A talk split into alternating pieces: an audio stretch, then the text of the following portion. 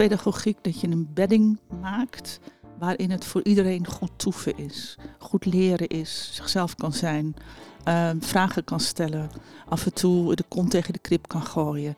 Zonder dat je daar meteen op afgerekend wordt. Maar dat je dus een bedding maakt waarin iedereen zich thuis kan voelen. Een, ja, wat Theo Thijssen noemt een gelukkige klas.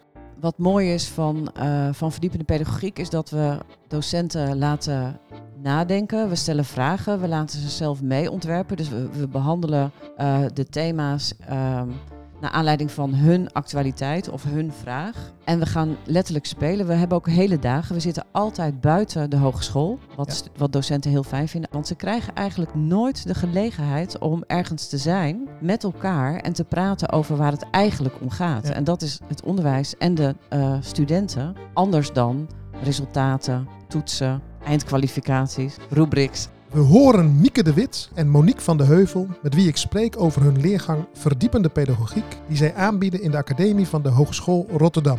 In ons gesprek gaan we in op één van de zes aspecten van de leergang. Ik, de leraar.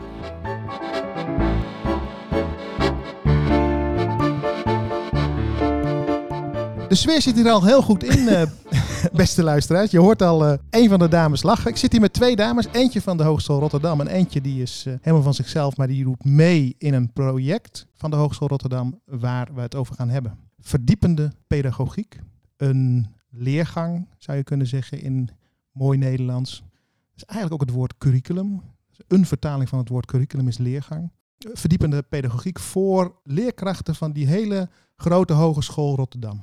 Zeg ik dat goed? Ja, dat klopt. Ja. Nou, we gaan het uitdiepen.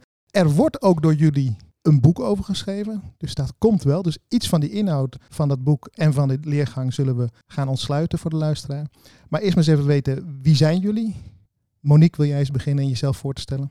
Ja, ik ben uh, Monique van den Heuvel, momenteel hoofddocent pedagogiek didactiek bij Hogeschool Rotterdam en wel bij uh, de lerarenopleiding gezondheidszorg en welzijn. Mm-hmm. Deeltijd lerarenopleidingen die leraren opleidt voor VMBO en MBO. En ik werk bij het kenniscentrum talentontwikkeling. En ik ben zelf, ik heb mezelf altijd een geboren leraar genoemd. Ik heb ook een leraaropleiding Nederlands gedaan. Ik ben leraar Nederlands en drama van origine. Mooi. En je kwam uit Groningen, had ik begrepen? Ja, eigenlijk niet. Eigenlijk kom ik uit Drenthe, maar vanaf mijn negentiende kom ik uit Groningen. Dus dat, uh, daar verwijs ik graag naar. Ja. En uh, daarnaast hebben we Mieke. Dag Mieke. Hi, Mieke de Wit. Ik ben theatermaker en dan vooral community theatermaker. En dat betekent dat ik stukken maak over maatschappelijke onderwerpen met mensen die daar zelf mee te maken hebben. Dus ik heb um, stukken gemaakt met gevangenen, met huwelijksmigranten, met uh, mensen met dementie. En maak vooral stukken met mensen waarover veel gepraat wordt, niet met.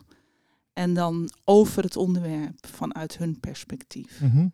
En mijn achtergrond is filosoof en wetenschappelijk onderzoeker dat eerste wat je vertelt, dat, uh, dat triggert me wel, omdat ik al in de leergang heb gezien dat er in die leergang ook um, een reis werd gemaakt door Rotterdam om studenten, en dat zijn de docenten van de Hogeschool Rotterdam, uh, te laten kennismaken uh, met en niet te praten over allerlei dingen. Juist. Is dat jouw inbreng ook dan? Heel erg. en ook de, die reis was, we waren op zoek naar pedagogiek in de stad. En uh, ik zie heel veel pedagogische interventies, zoals je dat noemt, in de stad, maar op heel andere gebieden. Dus mensen die starten galeries met jongeren. En, uh, en, en, in die galeries komt dan kunst die uitdrukt wat jongeren voelen over het huidige tijdsgericht. En dat ligt natuurlijk heel erg in het verlengde van wat ik doe. Ja. ja. ja. We zijn ook naar de leeszaal Rotterdam-West gegaan. In de leeszaal Rotterdam-West wordt draaiende gehouden door bewoners. Um, ja, want heel veel bibliotheken zijn gesloten. Nou, dat was ook de reden voor de leeszaal om te openen. Want notenblote benen in het oude Westen uh, werd daar een bibliotheek gesloten. Uh, voor kinderen die al een leesachterstand hebben. Dus, uh, nou ja, goed, soms is het beleid onbegrijpelijk. Dus bewoners zijn een, een leeszaal begonnen. Ja, en, en dat is natuurlijk ook, een, dat heeft ook pedagogiek in zich. Ja. En ook om alle mensen bij elkaar te houden. En uh, iets, iets te maken waarin iedereen zich terug kan vinden. Dat, dat is echt pedagogiek in de ja. stad. Ja. Nou zeg je echt pedagogiek. Ik kom zo even bij, uh, bij jou, Monique, om te uitleggen hoe jullie dan even die leergang in grote lijnen hebben bedacht. Maar in jouw verhaal aansluitend, wat is dan pedagogiek voor jou? Het klinkt als heel betrokken, als verbonden met mensen, met de praktijk. Niet er overheen denkend, misschien als een filosoof, maar erin staan als een theaterpersoon. Hoe, hoe, hoe duid jij pedagogiek? Voor mij is pedagogiek dat je een bedding maakt waarin het voor iedereen goed toeven is, goed leren is, zichzelf kan zijn, ehm, vragen kan stellen, af en toe de kont tegen de krip kan gooien, zonder dat je daar meteen op afgerekend wordt, maar dat je dus een bedding maakt waarin ja, voor, voor iedereen zich thuis kan voelen. Ja, een bedding van community? Je kan het een community noemen, je kan het een sfeer noemen, je kan het een, een, een, uh, een huis noemen. Een, uh, maar, maar in ieder geval een, ja, wat Theo Thijssen noemt, een gelukkige klas. Dat, dat, dat de hele klas gelukkig wordt van de bedding die jij maakt. Ja, en dat iedereen vanuit zichzelf in verbinding met anderen kan treden. Ja. Gaan we naar die leergang, want daar was ik even benieuwd, want, want we ben even bij, eh, bij Mieke aangesloten. Maar Monique, uh, kun je eens even vertellen in korte lijnen, wat houdt dat nou in, zo'n leergang verdiepende pedagogiek voor docenten aan de hogeschool? Ja, uh, nou de leergang hebben wij niet bedacht. Hij is bedacht door anderen uh, en ik was een van de deelnemers. Er, waren toen, er zijn toen twintig docenten gevraagd, zogenaamde topdocenten werden ze genoemd. Vind ik een beetje een rare benaming, maar ik was wel blij dat ik erbij zat. En wij hebben een traject gevolgd van uh, twee dagen. En daarin hebben we zelf bedacht, volgens de KAOS-methodiek. Dat is? K-A-O... Uh, ja, dat komt uit Denemarken. En het is een methodiek waarin je uh, ontwerpt of leert ontwerpen. En waarin je zelf vormgeeft aan het traject dat je gaat volgen. En daarin waren we met twee groepen. En onze groep had uh, de thematiek die we nu gebruiken in de verdiepende pedagogiek. En de andere groep had een aangrenzende uh, metafoor. Die hadden het over een plantje dat water krijgt, groter groeit en overgeplant wordt. En uiteindelijk hebben we gezamenlijk besloten dat de thematiek die wij hebben gehad, dus ik de leraar, ik en mijn uh, studenten, ik en mijn collega's, ik en de stad. En dan weer terugkeren naar wat heeft dit alles voor mij als docent betekend, ik als docent.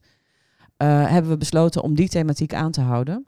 En het idee was dat, student, of sorry, dat docenten zelf uh, betrokken waren bij de voorbereiding van elke dag die een van die thema's bevat.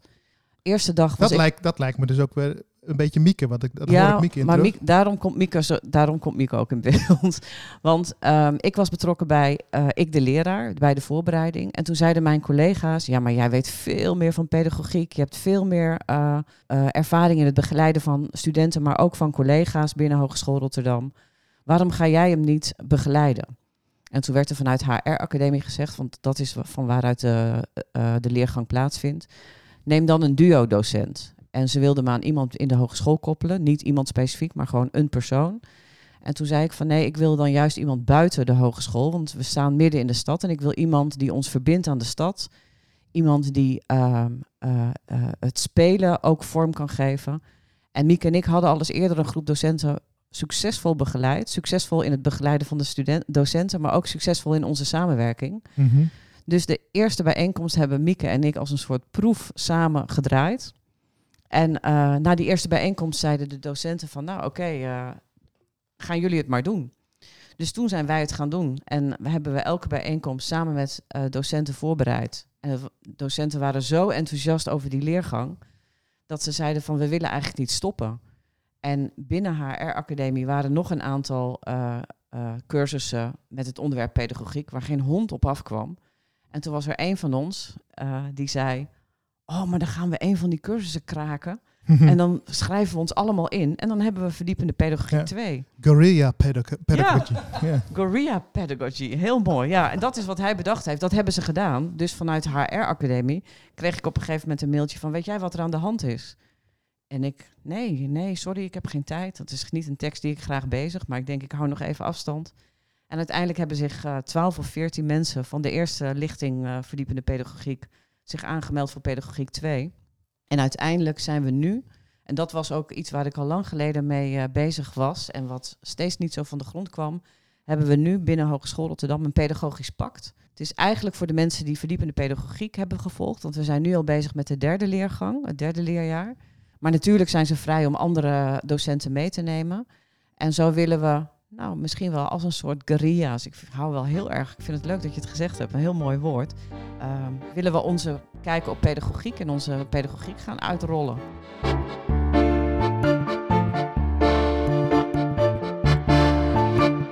Dat vind ik het mooie wel van jullie uh, initiatief.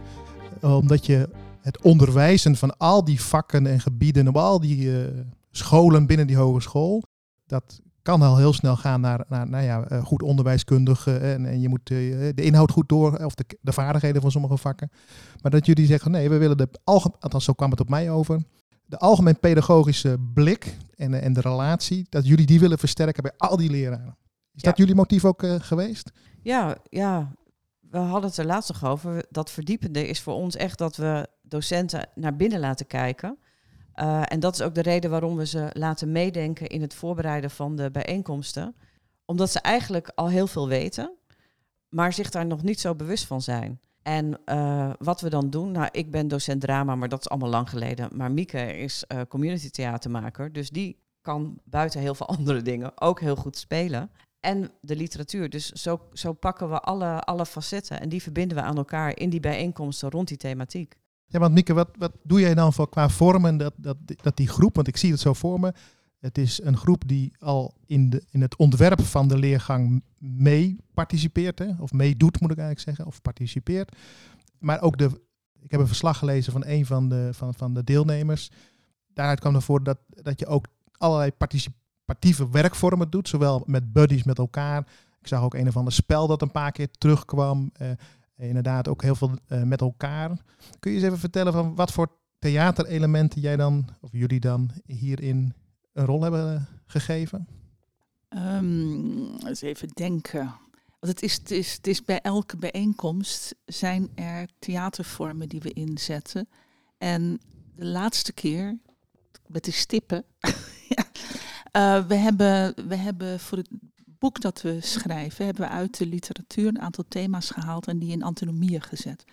Wat is, uh, wat is een antonomie? Een antonomie is een uh, tegenst tegenstrijdige woorden, letterlijk. Nomos is woord ja. en antinomie is tegenstrijdig. En het is eigenlijk, je kan het ook zeggen, het zijn twee zijden van dezelfde medaille. Ja. Dus je hebt aan de ene kant zwart en aan de andere kant wit. En, uh, je wilt ze in een spanningsvolle relatie met elkaar En die zetten. staan in een spanningsvolle relatie met elkaar. En uh, zo, kan je, zo heb je in de pedagogiek heb je heel veel antonomieën. Nou, die hadden wij op een, op een rij gezet. En toen hebben we aan de docenten gevraagd om op een zevenpuntschaal um, te gaan staan bij elke antonomie en welke kansen komen. En degene die aan de uiterste st zijde stonden, hebben we weggestuurd en gevraagd om daar eens met elkaar dat te gaan uitdiepen. En uiteindelijk kwamen ze dan terug en dan vertelden ze van ja, zo verstaan we eigenlijk niet van elkaar. Want we kwamen erachter dat in elke situatie dat je eigenlijk een, een, een, een, een positie kiest op die antonomie om adequaat te handelen. Ja. Dus dat is bijvoorbeeld van dat je dan letterlijk in de ruimte gaat staan in plaats van op een papiertje gaat aankruisen. Ja. En dat letterlijk in de ruimte gaat staan maakt ook dat je ziet dat je dan ver van elkaar afstaat. En uh, dan ga je letterlijk in het gesprek, kom je nader tot elkaar. Ja, ja. Dus dat is een, ja, je maakt dan iets in de ruimte. Uh, en dat is natuurlijk theater, dat je, dat je het ruimtelijk maakt. Ja, ja en, en het, het is passend, want tegelijkertijd zeg je ook qua inhoud, ja, het gaat over dat wat in de pedagogiek namelijk veel een rol speelt, dat er veel uh, antonomieën in jouw woord, in jouw woorden te zeggen zijn, waar je waar je zelf je verhouding toe moet vinden. Zo hoor ik je. Klopt, ja. klopt. Van nature ben je geneigd, om eens een antonomie te noemen, uh, ben, je, ben je sturend in de klas, dus hou je vast aan het programma, of laat je veel ruimte voor improvisatie en laat je veel ruimte voor een vlinder die door de klas vliegt en de, de, de, al die kinderen worden afgeleid. Ga je daarin mee of zeg je, hop, we zijn aan het rekenen. En van nature ben je geneigd om ergens iets te doen. Maar als je, als je een ervaren leraar bent, dan leer je dat je enerzijds soms vast moet houden aan het programma en soms gewoon lekker moet vlinderen, letterlijk. Ja. Het komt ook over het woord spelen, komt in me in. En dat resoneert ook een beetje terug naar wat ik ook een mooie poster zag. Ehm, jullie hadden zoiets gevraagd ook in, in, in, in die leergang om, om met een, om, van mensen een mooie foto te maken. Uh, met, een, met een uitspraak. ik overtref mijzelf in. En, en, en dan was jij het, Monique, die zei: Ik overtref mij uh, in het spelen. Ik zou meer willen spelen. Dit, komt, dit is ook een speelse vorm. Hè? Ja. Herken je dat? Is, is pedagogiek ook spelen voor, voor, voor jullie, voor jou, Monique? Ja, zeker. En um, wat mooi is van, van verdiepende pedagogiek is dat we docenten laten nadenken. We stellen vragen, we laten ze zelf mee ontwerpen. Dus we, we behandelen de thema's um, naar aanleiding van hun actualiteit of hun vraag. Mm -hmm. En we gaan letterlijk spelen. We hebben ook hele dagen. We zitten altijd buiten de hogeschool. Wat, wat docenten heel fijn vinden. Altijd op een, uh, op een creatieve plek. Een galerie of een theater. En, um, en die hele dag, dat is bedoeld om echt helemaal even uit de stroom van ja. De dagdagelijkse activiteit te komen. Ja. En, uh, en te voorkomen dat ze op de gang nog even iets regelen met een collega. Ja, ja. zeker. snap ik. En ja, mijn behoefte aan spelen is sowieso iets wat ik van nature heb. Ik hou heel erg van, van lol hebben. Ik ben ook begonnen als NT2-docent. Dus, en er waren veel mensen die, uh, die gevlucht waren. Ook jonge mensen die gevlucht waren. Die het heel zwaar hadden natuurlijk. En ik dacht heel vaak, al hebben ze maar een uurtje gelachen, dan hebben ze in ieder geval een uurtje gelachen. Precies. Maar ik denk dat ook heel vaak als ik op de hogeschool rondloop, want ik vind het heel serieus. En nou is onderwijs en pedagogiek misschien ook een heel serieuze zaak. Maar ik, ik vind dat iedereen iets te veel vergeet te lachen. Oh ja. Dus dat is een reden dat ik ook wilde spelen. En dat is ook een van de redenen dat ik met Mieke wilde werken. Omdat zij community theatermaker is. En dus met mensen aan het werk gaat voor wie het bedoeld is. Maar ook die, dat theaterelement kan inbrengen.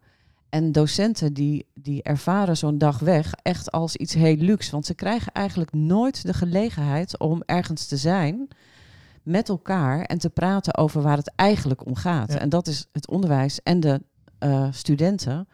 Anders dan resultaten, toetsen, um, eindkwalificaties. Ja, nou ja, kijk, het is. Rubrics. Hè, of dus, of dus die, die, die associatie die veel mensen bij een woord als curriculum hebben. Van oh ja, dat zijn alle inhouden en toetsen die je daarvan moet doen. Terwijl ik juist hier in jullie terugzie eh, dat curriculum die leergang is. Eh, waarin je een weg gaat, hè, letterlijk een weg gaat met mensen, uh, met een groep, met elkaar. En dat, zo, kwam het, zo komt het op mij over, dat op die weg een aantal ervaringen met elkaar worden gedeeld. Ervaringen ter plekke, maar ook de ervaringen die die studenten zelf, hè, die, die, die, die, die leergangdeelnemers, meebrengen uit hun eigen context. Tuurlijk, ja. Dus dat vind ik wel een mooie, uh, mooi idee, dat, dat als je meer pedagogisch te werk gaat, uh, in tegenstelling bijvoorbeeld tot uh, strakke didactiek, dat, dat het leren aan de hand van ervaringen en, aan, en, en communiceren over die ervaringen met elkaar gaat.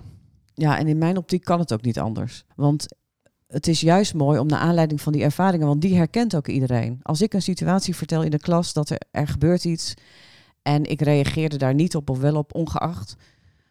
Als ik dat deel met, met, met jou, dan zal je dat herkennen. Want elke leraar neemt tientallen, weet ik veel, honderden beslissingen in, in een les. En je weet nooit wat er gebeurt. En um, nou, wat, wat, wat, uh, wat ik mooi vind is wat, wat ik van Wouter Pols hoorde. En hij had, heeft het volgens mij gelezen in Van Maanden. Maar dat pedagogisch takt. Wouter die vertelde in een leergang die ik bij hem gevolgd heb, heeft, heb, is dat, um, dat pedagogisch takt, dat ontwikkel je ten eerste door gewoon les te gaan geven, door te gaan uren maken, oefenen is een praktijkberoep en, en, daarop, en daar moet je op reflecteren en in reflecteren. En die, precies, reflecteren alleen, maar zeker ook met anderen. En daar dan vervolgens uh, uh, concepten uit de literatuur aan hangen. Maar de, de, praktijk, kijk, we zijn vakmensen. Dus die praktijk is altijd het uitgangspunt. Ja. Nooit is de literatuur bij mij een uitgangspunt. Nee. Ik, zou dat, ik vind dat ook heel onnatuurlijk. Nee, de, de literatuur is, is een spiegel. Kan een, het kan een spiegel zijn, het kan uh, een ja, een spiegel is eigenlijk wel een mooi woord. Ja, ja of, of het kan je toestemming geven uh, om. Voor een intuïtie. Voor een intuïtie. Ja. En dat je iets uitdiept uh, waar je eigenlijk nog geen woorden voor hebt. Precies, het geeft uh, vocabulaire, het geeft taal. En in Nederland is de pedagogische literatuur natuurlijk heel erg geënt op de fenomenologie. En de fenomenologie is bij uitstek in staat om dat te benaderen wat zo moeilijk onder woorden te brengen is. Dus het lezen daarvan opent ja, ruimte in je jezelf.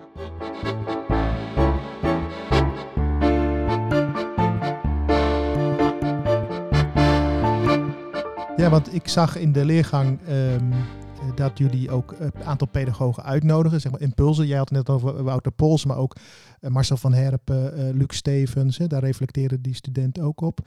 Jullie hebben literatuur Welke literatuur dragen jullie aan, Mieke? of, of, of, of, is dat Monique? Die, die geef ik door aan Monique. Ja, mijn ik heb twee pedagogische vaders. En de eerste is Piet Boekhout. Hij was toen lector. Ah, Piet Boekhout, ja. ja. Die heeft uh, inderdaad bij, uh, bij in het uh, ROC heel veel gedaan, Albeda. Albeda, maar hij is op de Hogeschool Rotterdam was hij lector, ik geloof beroepspedagogiek of pedagogiek op het MBO. Nou ja, zo'n soort titel, ik weet het niet eens meer. Um, daar ben ik met hem gaan werken. En um, hij heeft daar verder niet zo lang gewerkt. En Wouter Pols heeft toen in feite, um, nou dat is een lang verhaal, doet er niet toe. Toen kwam ik in contact met Wouter Pols. En met hem ben ik veel opgetrokken. We hebben, hij heeft veel pedagogische gesprekken gevoerd met leraren op het MBO. Daar heb ik naar geluisterd en ik dacht, maar dat is fantastisch. Ik wil ook met mijn studenten op die leraaropleiding die, die gesprekken voeren over die pedagogische momenten, die momenten dat er iets op het spel staat. En toen ben ik uh, naar de HKU gegaan. Daar is een master kunsteducatie. En een module daarvan is ludodidactiek. En die boden ze aan in een zomercursus. Ludodidactiek als in speldidactiek? Ja. Die heb ik gevolgd, die, die module. En daaruit is een spel ontstaan, klassengesprek. Mhm. En dat spel dat gebruik ik in de opleiding, in onze leraaropleiding, maar ook in verdiepende pedagogiek. En wat we dan doen is, we gaan dan uit van een, van een situatie uit de praktijk, uit de mhm. klas. En uh, in de eerste bijeenkomst, ik de leraar, gaat het dan daadwerkelijk over iets wat je, wat je zelf geraakt heeft. En in de tweede bijeenkomst hebben we het dan over uh, iets in, in, in relatie tot de student. En de eerste leergang pedagogiek, dat is wel leuk voor jou om te vertellen misschien, Mieke. Daar hebben we studenten uitgenodigd, of daar hebben de docenten studenten meegenomen. Om mhm. samen ook dat spel te spelen. En samen ook op zoek te gaan naar blinde vlekken. Want dat spel, dat is dan die ervaringen die je noemt, die, die delen ze, maar daar komen dan kaartjes met vragen of zo, moet ik het voorstellen? Of? Um, even kijken, hoe kan ik dat zo snel mogelijk, hoe zo kort mogelijk vertellen? Um, uit het onderzoek van Wouter Pols komen pedagogische thema's naar voren. En mhm. uit die thema's heb ik 50 woorden genomen, zoals betrokkenheid, relatie, uh, authenticiteit. Nou ja, dat soort woorden uit de pedagogiek. Omdat ik in navolging tot Wouter... Uh, dacht van ja, mijn studenten moeten een taal hebben om over die pedagogiek te praten. Dus je hebt kaartjes met pedagogische woorden. Je hebt een pedagogische situatie die de speler zelf inbrengt. En je speelt het met z'n vieren. En dan ga je in gesprek, drie rondes. Ronde 1 is, waar gaat het hier eigenlijk over? Ronde 2 is, wat zijn legitieme handelingsalternatieven? Mhm. En ronde 3 is, wat heeft de student hier eigenlijk nodig? En met name die laatste ronde uh, dat, is mooi, dat is een mooie switch. Ja, en dat, uit je eigen perspectief en dan ga je echt vanuit de student kijken. Precies, en daarvan vinden uh, de docenten, uh, ja, mijn studenten, maar ook de docenten in verdiepende pedagogiek, vinden dat heel mooi. Sommigen doen dat natuurlijk uit zichzelf, maar sommigen ook nog niet. En vandaar dat ze zeiden van dan gaan we het spelen met studenten, want dan zitten ze er zelf bij en dan kunnen ze zelf hun blik opgeven. En we hebben studenten toen ook gevraagd naar wat zijn nou blinde vlekken van ons, van ons leraren. En uh, dat heeft weer een relatie met het boek dat we gaan schrijven. En daar wilde ik jou wat over laten zeggen. Ja, want jullie gaan inderdaad naar een boek toe. Ja. Wij gaan naar een boek toe. Wij zijn met een boek bezig. En uh, in dat boek staat ook weer die, die zesdeling, wordt het in het boek centraal. Uh, ik de leraar, ja, leraar in de klas ja. en dan de, de ouders komen erbij. belangrijk onderwerp natuurlijk, zeker in de, de de basisscholen. En dan ik in de wereld. Collega's. Oh, ik in collega's, ik in de wereld. En dan weer terug naar ik de leraar. Dus dat is de, de zesdeling ja, die we dus hanteren. een soort cirkel wordt het dan Precies. ook. Ja. ja.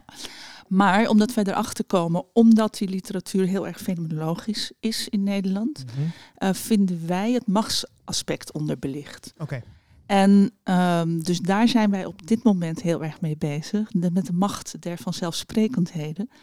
En dat zagen we dan ook in die bijeenkomst waar Monique het over heeft met de studenten, dat je gewoon blinde vlekken hebt als docent. En die blinde vlekken kunnen zitten op het, op het gebied van, van studenten, maar die kunnen ook op het gebied van etniciteit of gender zitten. Dat is iets, dus we zijn nu een rondje door de wereld aan het maken en zijn ons verdiepen in Ubuntu, pedagogiek. En we komen erachter dat er heel veel gebaseerd is in het buitenland, ook in Azië op Illich. Dus dat, dat marxistisch Anke zou Ja. ik maar zeggen. En Frère. En Frère. Ehm, dus dat, Paolo Freire en, en, en Ivan Ili- Ilic volgens mij. hè? Die, of als mensen dat willen opzoeken. Ja. Paolo Frère. Uh, uh, weet ik niet hoe die, of dat Ivan ik heb het altijd over iets. Dat is een goede vraag. Ik dacht Ivan Ilic. Dat zou heel Maar goed dat kunnen kunnen. mensen het opzoeken. Ja. Ga door. En wij hebben dus besloten voor het boek dat wij eh, mensen gaan interviewen die eh, vanuit een andere eh, cultuur of een andere klasse of een hun licht laten schijnen als leraar op de, hun, hun lerarenpraktijk. Ja. En wij hopen zo dat machtsaspect in dat boek te, te kunnen krijgen. Want wij vinden het heel belangrijk dat mensen zich bewust ervan zijn dat die machtsaspecten ook spelen. Nou, zeker in een stad als Rotterdam. Is dat trouwens een... een, een eh, want hier is, is, is, is gewoon de wereld aanwezig. Hè? Van, van, Ja. van alle culturen en van alle eh, klassen, Absoluut. als je het zo wilt noemen. Is dit, een, is dit ook een drive van jou uit? Heel erg. Heel erg. Wat, wat, zij, eh, Want ik ben altijd bezig om mensen een stem te geven die weinig gehoord hebben. Om die stem te versterken. Ja. Dus ook in dit boek vind ik het heel belangrijk om de stemmen te versterken van eh, leraren, ouders, die niet als vanzelfsprekend gehoord Ja. worden. En vandaar inderdaad die verwijzing naar Ubuntu en, en Deep Ja. Democracy zul je ook tegenkomen. Nou, democracy. maar je noemt eh, ook inderdaad, dus, eh, even voor de luisteraar, Paulo Freire en Ivo Ilic, dat zijn natuurlijk pedagogen die vanuit eh, ehm, situaties waarin uh, machtelozen zijn, hun, hun pedagogiek en hun theologie soms ook, hè, of filosofie denk ik dat. Nee, theologie. Theologie, ja. Je hebt ook radical theology. Ja. Eh, critical black eh, eh, pedagogy eh, is, is ook een hele stroming. Ja. Eh, vooral Amerikaans natuurlijk. Ja, ja. Eh, want al die black studies die komen uit Amerika. Ehm, dus daar zijn we ons nu aan het verdiepen om te kijken ehm, wat we daar hier, nou ja, om dat meer te integreren hier. Ja, mooi. Hey, eh, Monique zei net van ik heb eh, twee, twee mensen, hè, Boekhout en, en Pols, die van mij inspire- inspirerend zijn. Heb jij in, in die lijn van die, eh, dat stem geven aan de, aan de machtelozen, heb jij daar inspiratiebronnen of, of, of momenten in je, in je leven dat je van ja, daar, daar, daar gaat het eigenlijk op terug bij mij, dat ik dat zo belangrijk vind? Ja, en voor mij is Foucault altijd de, de, vertoog, de vertoogideeën van Foucault zijn Ja, voor de Franse, de Franse filosoof Michael, eh, Michel. of Michel, ja, dat is, echt goed, Michel eh, Foucault. Ja, Michel Foucault. Ja. En zijn werk op, op het gebied van eh vertooganalyse, maar ook op het gebied van seksualiteit en van macht. Ja. Ehm, en zijn Dikke pil is dat, hè? dikke pillen, Ja. dikke pillen zijn dat in moeilijk Frans geschreven, maar ongelooflijk inspirerend. Juist ook om tegenwicht te bieden aan het wat eendimensionale marxistisch machtsbegrip. Ja. Wat heel erg is, je hebt machthebbers en die onderdrukken de rest. En dan heb je vals bewustzijn als je dat niet ziet. Precies. Nou, ehm, dus iedereen die niet zoals jij denkt, heeft een vals bewustzijn. Heel kort door de bocht, maar, Vrij stellig. ja, maar zo, en zo zit de wereld in elkaar. En wat Foucault heel erg liet zien, is natuurlijk dat, die, dat er machtsvraagstukken zijn. Die heeft het meer over de capillaire werking van de macht. Dat de macht in allerlei kleine dingetjes zitten. Ja. Dus die dagelijk, alledaags racisme noemt Asset het. Ja. Eh, Philomena Asset. Eh, en, eh, maar ook de, de macht van die vanzelfsprekendheden. Het is En veel complexer eigenlijk. Het is, zit veel complexer en capillair betekent? Capillair betekent in alle haarvaatjes. Oké. Ja, dus en, het zit in alle kleine handelingen in het, in, het, in het dagelijks leven. En je bent je daar niet bewust van als je aan de machtszijde zit. Nee, nee. En nou ja, dat, da- en daarom eh, willen we dat, ja, da- ons daar ook bewuster van maken. en om dat ook meteen te koppelen aan de praktijkervaring, waar ik dan weer heel erg van ben, is in verdiepende pedagogiek de tweede lichting, de tweede eh, leergang, waren er docenten die wilden de walk of privilege doen. En de walk of privilege, je staat allemaal op een lijn en de, de, de spelleider stelt een vraag en dan doe je een stap achteruit of je doet een stap Ja, vooruit. er zijn ook mooie filmpjes over te vinden op internet. Het is leuk. eh, Vast, Ja. ja. En degene die dan helemaal vooraan eindigt, is de ge- meest geprivilegeerde, ik kan het nooit uitspreken, geprivilegeerde. En degene achter niet. En toen gebeurde er iets heel moois. Mieke was de vraagsteller, ik stond ook in de lijn. En ehm, ik merkte dat ik steeds meer stappen naar achteren moest doen, dat de hele groep van mij vervreemde. En eh, degene die eh, helemaal vooraan geprivilegeerd stond te zijn, ik denk dat we allemaal dachten, hè? Want ehm, ik was de begeleider van de groep. Ik ben de hoofddocent. Dus dan krijg je in een hiërarchische samenleving als de hogeschool een bepaalde status. Maar ik kom niet uit een familie waar gestudeerd is, waar boeken in huis waren. eh, Uit de klei van Groningen. uit het veen van Drenthe. nee, dat was het ja, de veen Ja. van Drenthe. En ehm, opmerkingen gekregen waardoor je je achtergesteld voelt. Degene die helemaal eh, vooraan als, als meest geprivilegeerde eh, uitkwam, was een man met een Turkse achtergrond. En je zag echt iedereen kijken van, huh?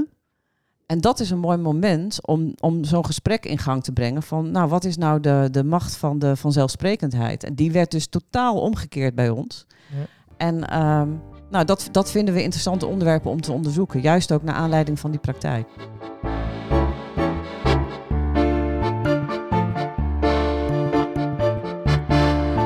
Het geeft weer een keertje weer van hoe, hoe ervaringsgericht en, en confronterend in feite jullie eh, die leergang hebben opgezet. Confronterend soms. Ja, waar denk je nu aan? Nou, eigenlijk nergens Ja, aan. ja, ja, ik wel. Oh, fijn. Eh, aan een van onze docenten. Eh, Dat is een ongelofelijke beta. En zij, ehm, zij eh, zegt aan het begin van elke bijeenkomst, zegt ze, nou, ik ben benieuwd waar jullie nu weer mee komen om mij uit mijn comfortzone te halen. Ja. En dan heel blijmoedig doet ze de meest vreemde dingen, die, die voor haarzelf volkomen verrassend zijn. Maar ze gaat het wel aan. Ja, mooi. Echt zo grappig. Leuk. Ja, zij zou wa- waarschijnlijk het liefst, geef me de theorie, dan kan ik erover nadenken. Nou, uiteindelijk geniet ze heel erg van uit de comfortzone stappen. Is Kwam- heeft ze ontdekt. Ja, heeft ze ontdekt. Dat is niet, dat is, dat is ontzettend mooi om te zien natuurlijk. eh. Ja. Nu je, nu je het voorbeeld van deze eh, eh, docent hè, en, en student in jullie leergang geeft, ehm, wat geven de leerlingen, de studenten, de, de docenten, hè, dus de, degene die de leergang terug gevolgd hebben, wat geven die terug? Oh jee, zoveel. Wat Eh, is hun leeropbrengst? Zo bedoel ik het niet, maar gewoon wat ervaringen, wat, wat, waar zijn ze doorheen gegaan? Waar komen ze mee terug? Nou, opmerkingen die gemaakt worden is, ehm, nou wat ik zei, van nu hebben we eindelijk de tijd om het te hebben waar het eigenlijk over gaat. Ehm, oh, nu begrijp ik wat, het, wat mij eigenlijk drijft als leraar. En dat is juist dat pedagogische. Maar ik wist niet dat dat zo heette of dat dat, Precies. dat, dat erbij En hoorde. ik had er geen taal voor, met name dat waarschijnlijk, denk ik. Ja. Ehm, en, en, en wat de opbrengst is, wat inderdaad een, een beetje een lelijk woord is in deze context, is dat eh, docenten eh, eh, besloten hadden dat ze ermee door wilden en dus een cursus gekaapt hebben. Eh, maar daarna of daarnaast nog eh, allerlei andere zaken op het gebied van pedagogiek zijn gaan doen binnen hun eigen opleiding of instituut. Elkaar weten te vinden. En daarom wilden we ook dat pedagogisch pact voortzetten, zodat we ook twee keer per jaar echt fysiek een plek hebben waar we elkaar weer ontmoeten en waar je elkaar kunt inspireren, waar je vragen kunt stellen. Ehm, Ja. Om de, om de eh, guerrilla-metafoor te- maar, maar, maar door te zetten. Het zijn, het zijn allemaal cellen geworden die hun eigen, eh, binnen de filosofie van Ja. de guerrilla, hun eigen ding doen. ja, ja, En wat we ook heel erg terugkrijgen elke keer weer, is dat wij een klimaat scheppen, dus weer die bedding Ja. in de leergang zelf, waarin mensen uit hun comfortzone kunnen stappen. En dat betekent dat het gewoon een veilige, gezellige, vrolijke eh, bedding is, waarin je je niet hoeft te generen als je iets niet kan en waarin je dingen durft aan te gaan, Precies. omdat eh, het, veilig is. Ja. ja, Toch? Ja, mooi. Ik vind de- die metafoor van die bedding mooi. Ook terugdenkend aan bijvoorbeeld Paul Ver- Verhagen. eh, misschien van jullie even, een- even een, een, een vreemde link. Die heeft veel over identiteit en autoriteit geschreven. Met, met name zijn eerste werk over identiteit. Waarin hij eigenlijk aangeeft dat als de bedding, eh, of de context noemt hij dat in dat boek, eh, over identiteit in onze samenleving of in bedrijven, of dus in het onderwijs, als dat er eentje is van een merit- meritocratie of van presteren, en eh, da- daar geeft hij veel voorbeelden van, dan ontwikkel je een ander identiteit als mens dan als die bedding, zoals jullie er één is, waarin je totaal mens mag zijn, waarin je fouten mag maken, waarin je mag spelen. Dus ik heb daar heel erg van onthouden. Ik ben ook onder andere pedagoog. Eh, dat eh, toen ik zelf pedagogiek ging geven aan de universiteit, kwam ik erachter dat de leerlijn toen, dat, was, dat het heel erg ging over dat je die leerling moet kennen en, en dat je die leerling aan zijn eigen ontwikkeling moet laten werken. Zeg maar de ontwikkelingspsychologische opvatting van Mhm. pedagogiek. Maar door allerlei ervaringen en, en literatuur, onder andere die van eh, Identiteit van Paul van Hagen, maar ook andere pedagogen, kwam ik erachter van nee, je moet niet eerst de vraag stellen naar jouw ontwikkeling. Je moet goed kijken wat is die context en wat, wat kan die mens dan, dan eh, ja, verrijken in wie ze kunnen worden. Nou ja, ik, ik krijg een duimpje van je, uh, reageer eens. Ja, daar, daar, gaat het om. Daar gaat het om. Dat je, dat je dingen. Kijk, want die ontwikkelingspsychologie, dat is ook maar een typering. Dat die in de ontwikkelingspsychologie daar heb je een, een, een soort standaard indeling van uh, kleuters zijn zus en als ze zes zijn zo en als ze tien zijn zo. Ja, krijg je Piaget, dan zit je in die fase. En dan zit je in die fase en uh, ja, het ene kind loopt voor en het andere kind loopt achter en dan krijg je dan ook weer, hè, dan heb je de, krijg je rugzakjes door, die, door, die, door, die, norm. Ja, precies. Ja, uh, dus ik denk ja, dat, dat moet het uitgangspunt niet zijn. Kijk naar het kind, maak een omgeving waarin het goed toeven is, waarin je heel veel verrijking aanbiedt. En uh, dan, dan kom je er met, met z'n allen. En ik denk dat elke klassificering als uitgangspunt dat vraagt om, om dat er uitzonderingen zijn. En nou ja, dan krijg je dus al dat gedonder, wat mij betreft. Met labeling en dingen. En, uh, ja, en, en, en dan gaan kinderen zich weer naar een label gedragen. Ja. Hartstikke idee. Dan zijn we al lekker, lekker ver van huis met z'n allen.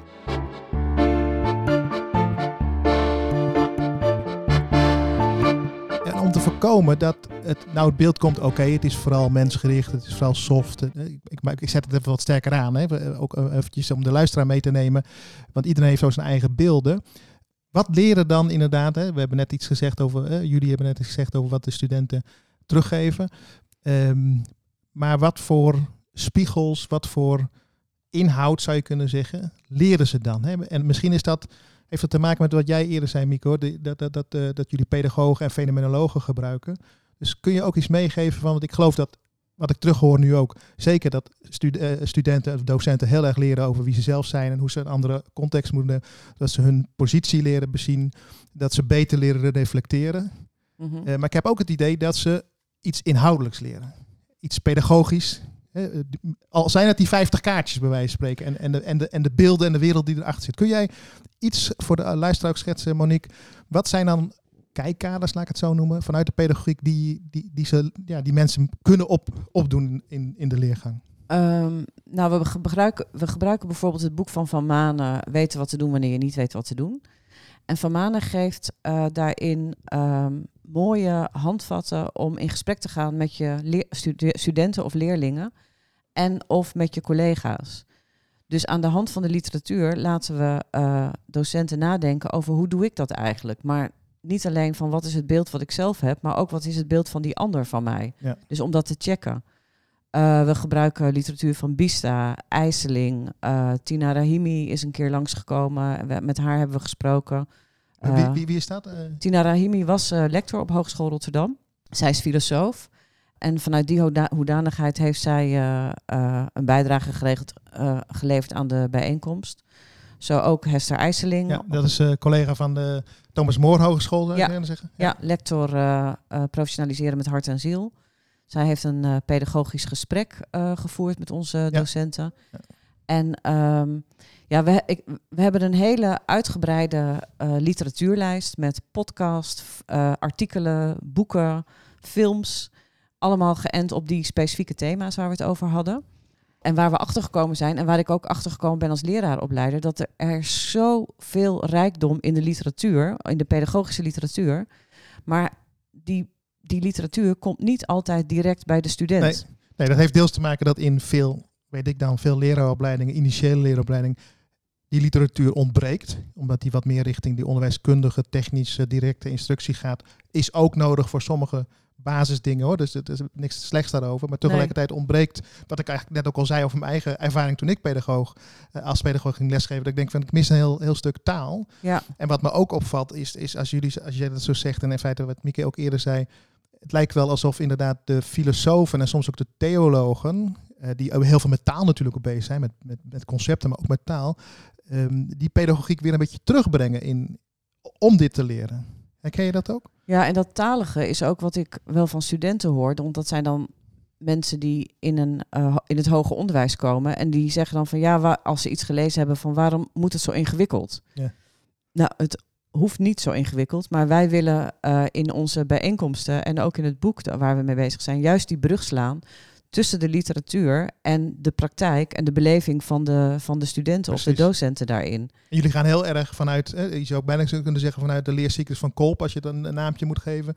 Namelijk vanuit ervaren, doen, eh, daarop, daarop reflecteren, beschouwen noemt hij dat dan. Een stukje theorie door te gaan lezen. eh, In plaats van die, other way around. Hè? Ja, ja.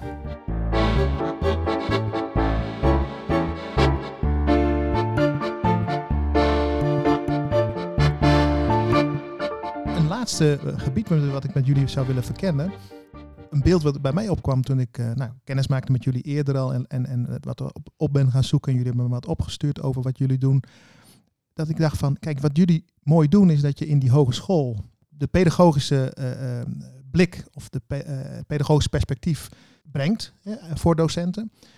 Ehm, en je hebt daar een leergang voor bedacht. Zou dat nou ook kunnen in, in, in een stichting voor VO-scholen? Of een stichting van PO-scholen? Ehm, maar ik denk eerst maar eens even aan een stichting van VO-scholen. Want in PO zie ik wel vaak dat er wat aandacht is voor die pedagogische kant. Zouden jullie eens een, niet eens een schets kunnen geven van een, een leergang voor VO-docenten? En, en, en hoe zouden die zeg maar, dit kunnen doen? Het grappige is dat, dat eh, je, je, vraagt naar, je vroeg net naar leeropbrengsten.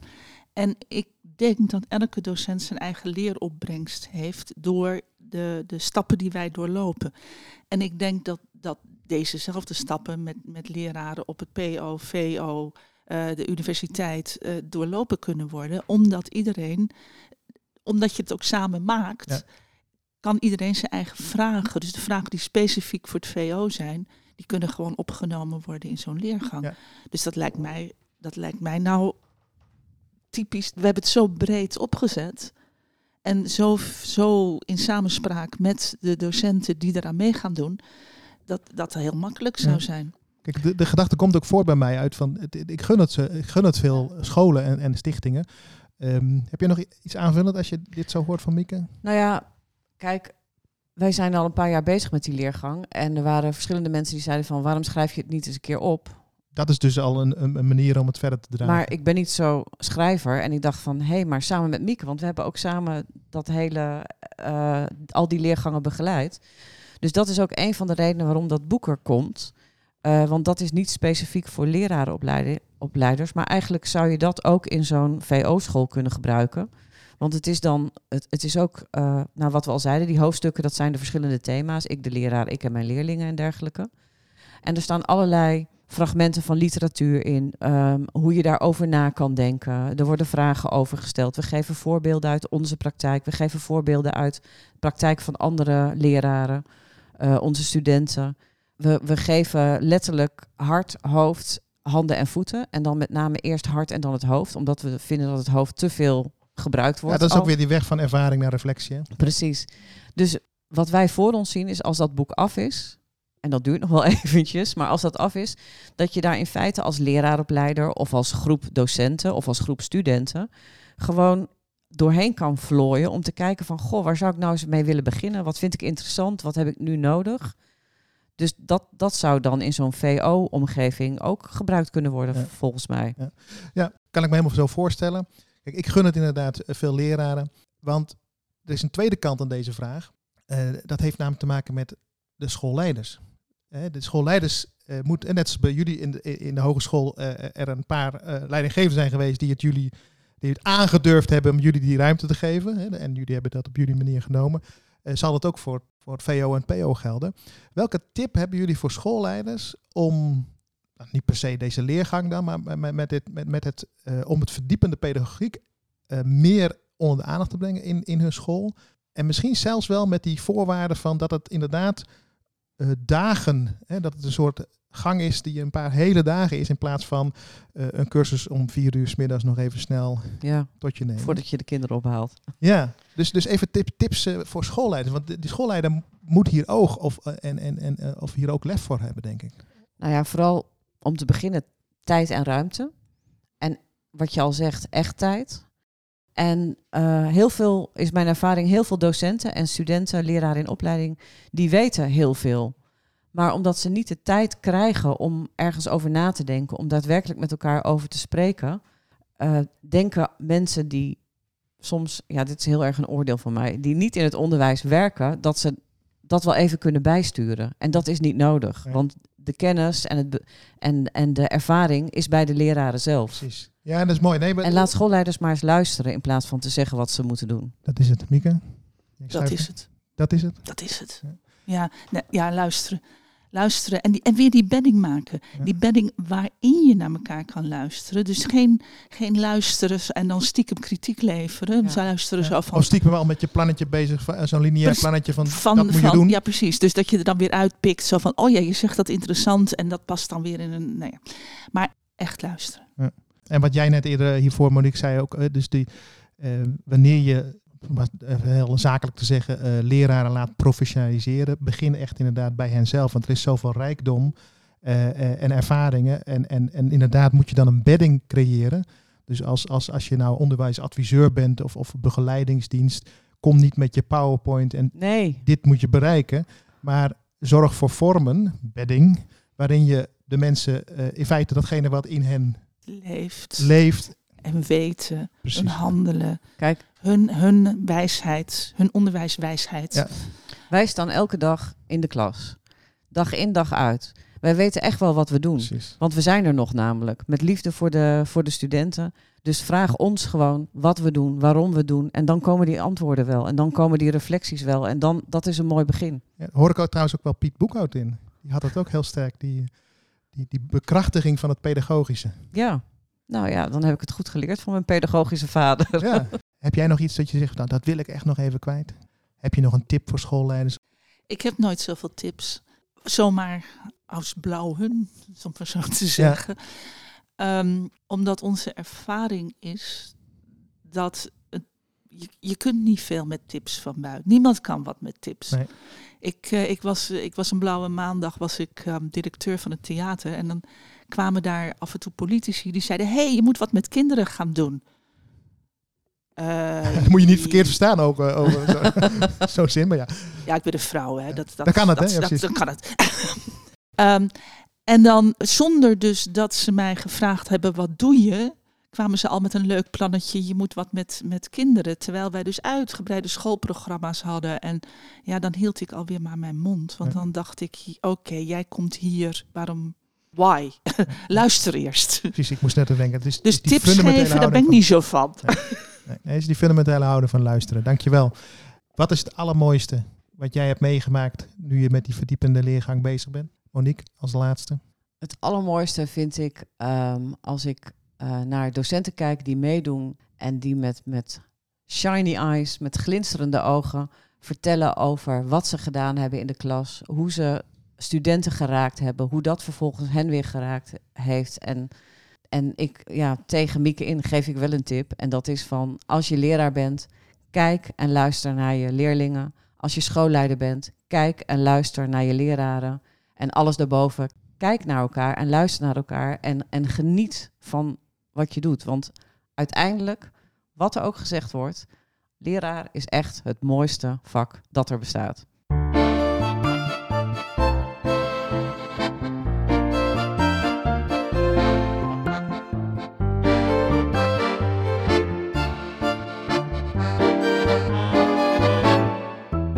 Dit was Onderwijsleider met hart en ziel met Mieke de Wit en Monique van de Heuvel. En we spraken over hun leergang Verdiepende Pedagogiek. Met hun guerrilla-achtige en ervaringsgerichte leergang creëren zij voor de docenten van de Hogeschool Rotterdam een bedding om naar binnen te gaan en verdiepend na te denken over hun eigen vaak intuïtieve pedagogische handelen en daarop vanuit pedagogische theorie en literatuur te reflecteren. Hun werkwijze is in feite al pedagogisch, want zij zien pedagogiek als het creëren van een bedding waarin leerlingen vrij zijn om te leren, ervaren, spelen, oefenen, worstelen en vragen stellen. De leergang kenmerkt zich verder door het met elkaar voorbereiden en het samenspreken over en reflecteren op de pedagogische ervaringen uit ieders eigen context. Naast deze externe en interne dialogen is er juist ook veel aandacht voor spel, theater en maatschappijkritisch denken, zoals over macht en privileges. Mede daarom is de leergang een confronterende reis langs kunstzinnige en multiculturele aspecten van de stad Rotterdam. Monique en Mieke zijn momenteel bezig hun leergang om te zetten naar een boek. Dat bestaat net als de leergang uit zes delen. Ik de leraar, ik en mijn leerlingen, ik en de ouders,